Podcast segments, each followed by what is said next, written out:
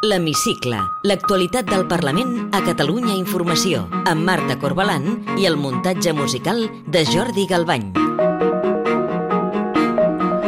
La negociació dels pressupostos de la Generalitat per l'any que ve s'allarga molt més del que voldria el govern. El PSC i els comuns, els socis potencials, no tenen cap pressa i hi ha dubtes ara que els comptes puguin començar a tramitar-se al Parlament abans de Nadal. Avui entrevistem la presidenta del grup parlamentari de la CUP, un nou cicle per guanyar, Dolors Sabater. Benvinguts a l'Hemicicle.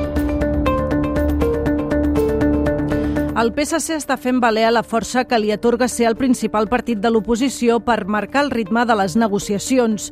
El líder dels socialistes, Salvador Illa, no té cap pressa i ha advertit a Esquerra que vol negociar els pressupostos d'igual a igual amb el govern de Pere Aragonès. L'avís l'ha fet en l'entrevista conjunta que s'ha fet aquesta setmana per Catalunya Ràdio i TV3. Jo tinc un projecte de país i tinc força parlamentària idèntica a la del govern de Catalunya en aquest moment. I, per tant, jo no complementaré un pressupost, no faré un pressupost pressupost. Jo no dir, jo tinc aquestes 10 coses que vostè ha d'incorporar. No, no. Jo posaré damunt de la taula, posarem a damunt de el nostre projecte de país. Una de les condicions prèvies que planteja el PSC per encarrilar els pressupostos és que es desencalli el projecte del Hard Rock al complex d'oci de Vilaseca i Salou, un projecte que rebutgen totalment els comuns, els altres possibles socis per aprovar els comptes. La cap de files d'en Comú Podem, Jessica Albiach, avisa que tampoc té pressa i que l'acord no serà pas imminent com voldria el govern. Ara mateix estem junt de l'acord i dir el contrari seria mentir. Calen uns pressupostos, però no cal qualsevol pressupostos. Això no anirà d'un dia ni de dos, però sobretot jo sí que voldria posar el focus en el contingut d'aquest acord. El tercer partit amb qui negocia el govern és Junts per Catalunya, que aquesta setmana ha fet públiques les seves demandes per poder aprovar els pressupostos. Plantegen, per exemple, baixar el tram autonòmic de l'IRPF a les rendes més baixes, deflectar l'IRPF, reduir de manera gradual l'impost de successions o reactivar també el projecte del Hard Rock. El portaveu de Junts, Josep Rius, ha demanat al govern que aclareixi si ja té un pacte amb el PSC. Sembla que el govern del president Aragonès ha volgut aprovar primer els pressupostos de Madrid per buscar els suports del PSC.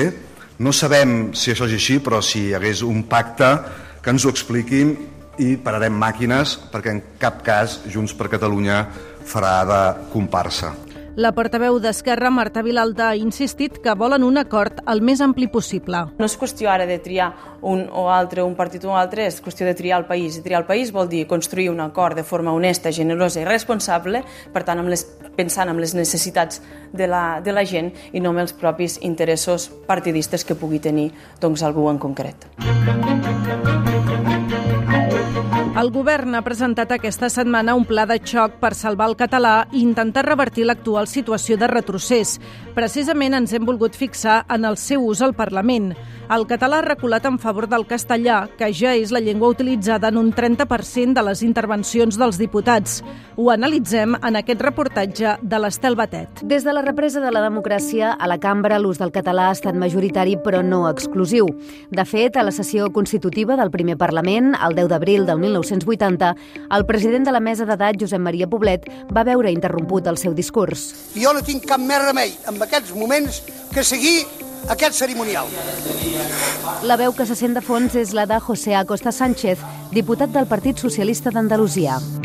Durant un quart de segle, les intervencions en castellà al Parlament van ser comptadíssimes. Hi ha una evolució quantitativa, que és de més a menys. Quim Roig, cap de l'àrea de gestió de les transcripcions al Parlament de Catalunya. D'un percentatge molt anecdòtic d'ús del castellà en les sessions parlamentàries a un percentatge més alt, especialment en aquestes darreres legislatures, al voltant d'un 30%. Senyores diputades, senyors diputats, señor Montilla, después de haber escuchado su discurso como candidato a presidente de la Generalitat... El veritable punt d'inflexió és el 2006, amb la irrupció al Parlament de tres diputats de Ciutadans. Nacho Martín Blanco, diputat de Ciutadans. Allò que deia Adolfo Suárez de fer normal a les institucions el que ja és normal al carrer, doncs jo crec que el fet que el castellà comencés a fer-se servir amb absoluta normalitat o una de les institucions que representa el conjunt dels ciutadans de Catalunya, a mi em sembla un signe de normalitat i per tant jo crec que va ser una molt bona notícia. També el 2006, José Montilla Montilla es converteix en el primer president de la Generalitat que no ha nascut a Catalunya i que no té el català com a llengua materna. Jo crec que el,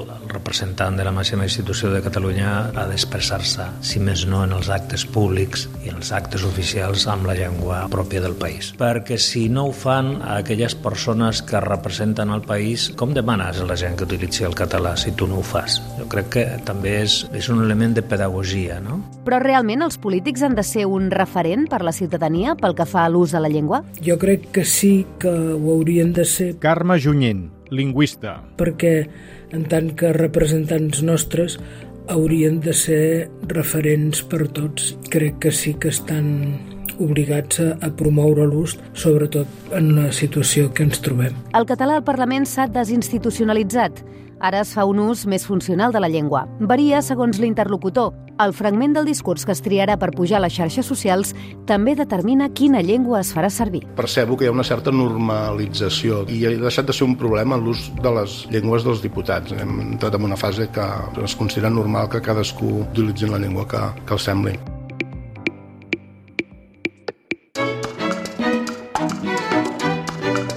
Té la paraula Soc Dolors Sabater, la presidenta del grup parlamentari de la CUP, un nou cicle per guanyar. Després de més d'un any de feina, la Comissió d'Estudi del Model Policial, que vostè presideix, ja ha acabat els seus treballs i ha presentat aquesta setmana les conclusions. Una de les qüestions que ha generat força debat és si s'ha de prohibir o no que els Mossos d'Esquadra facin servir projectils de foam en les manifestacions. La CUP, els comuns i també Junts, amb algun matís, són partidaris que no es faci servir. Com valora que el Parlament no hagi prohibit finalment els projectils de foam per la posició d'Esquerra i del PSC? Doncs és una oportunitat perduda i és un flac favor a, a la població, a la ciutadania i a la seva seguretat, perquè aquestes armes són insegures, generen inseguretat a la població. I se suposa no, que el, el, la comissió eh, d'estudi sobre el model policial havia de servir per prendre acords que milloressin eh, les eines i els mecanismes per fer una actuació més segura no haver prohibit el FUAM eh, és no haver incrementat la seguretat eh, per la població. Una altra de les propostes que defensa el seu grup en aquesta comissió és la creació d'un mecanisme de control extern i independent que supervisi l'actuació dels Mossos d'Esquadra en casos de possibles males praxis. Entén que això no hagi pogut tirar finalment endavant i el PSC i Junts s'hi hagin oposat? Bé, ho trobo una contradicció molt gran, sobretot per part de Junts. El PSC ja s'hi ha oposat des d'un principi. El PSC, de fet, ha agafat un paper en aquesta comissió d'avalar totalment, doncs, diguem, el, el, el corporativisme eh, policial i de no, no ha agafat un paper polític de, de tenir doncs, un, una voluntat de revisió de, del model ni tan sols d'aplicar el que estan aplicant molts països. No? En aquesta comissió hem pogut escoltar molts experts internacionals i hi ha un consens eh, internacional generalitzat de que les males praxis policials són un fet i que els mecanismes de control són una necessitat per les societats democràtiques. Canviem de tema. Aquests dies la política catalana està molt centrada a negociar els pròxims pressupostos de la Generalitat.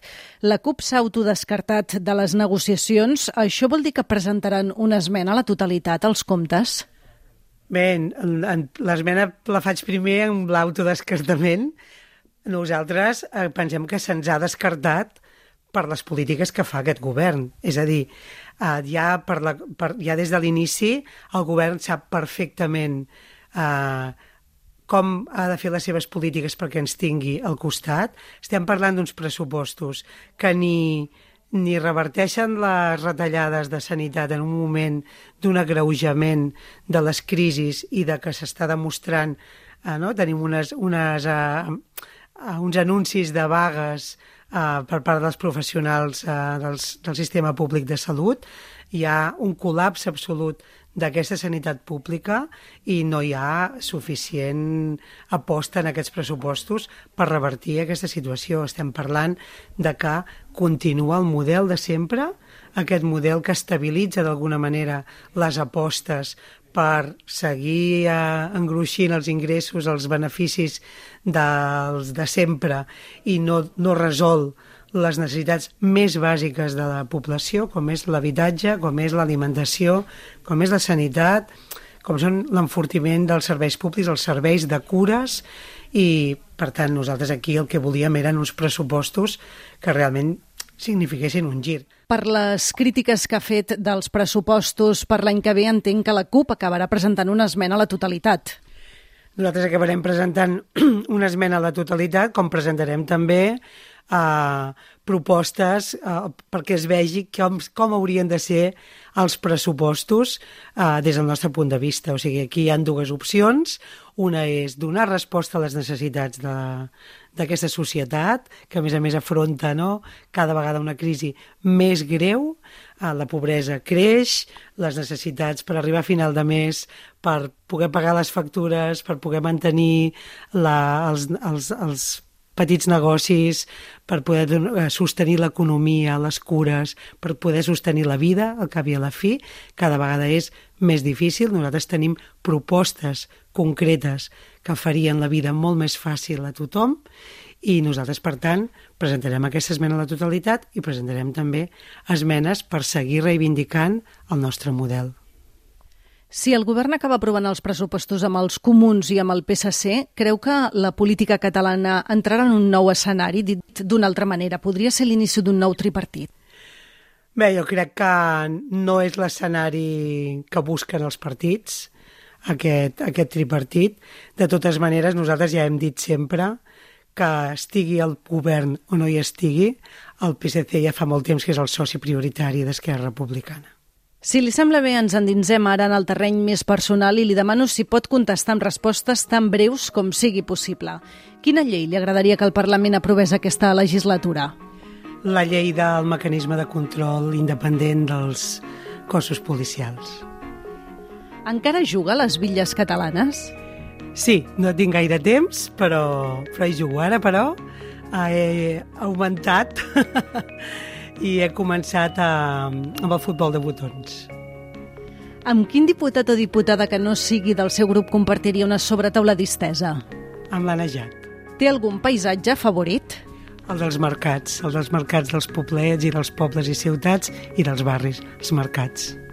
Repetiria com a cap de llista de la CUP Guanyem en unes eleccions al Parlament? Ho dic perquè també ha anunciat que repetirà l'any que ve com a candidata de Guanyem a l'alcaldia de Badalona, d'on ja va ser alcaldessa.